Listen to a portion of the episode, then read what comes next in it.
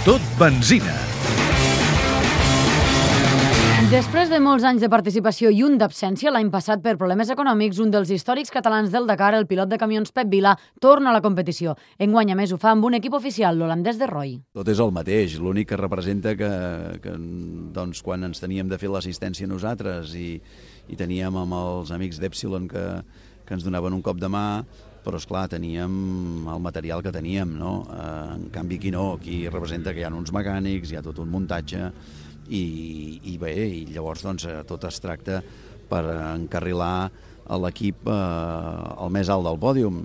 L'equip de Roy té en el seu palmarès quatre títols en el Dakar, però en els últims anys els dominadors han sigut els temibles russos de Kamaz. Tenim uns rivals molt forts, cada vegada més forts, que, que és evident que Kamaz està a un nivell estratosfèric, aniran allà amb cinc camions, aquest Dakar 2011, després hi ha els Tatres oficials, hi ha els Mans oficials, eh, hi ha el Ginaf, clar, els Liad, bueno, clar, tothom, aquí tothom va amb sabates molt grosses. Jo vull estar-me esbarallant, si pot ser, cada etapa dintre dels 10 primers i esperar la meva oportunitat.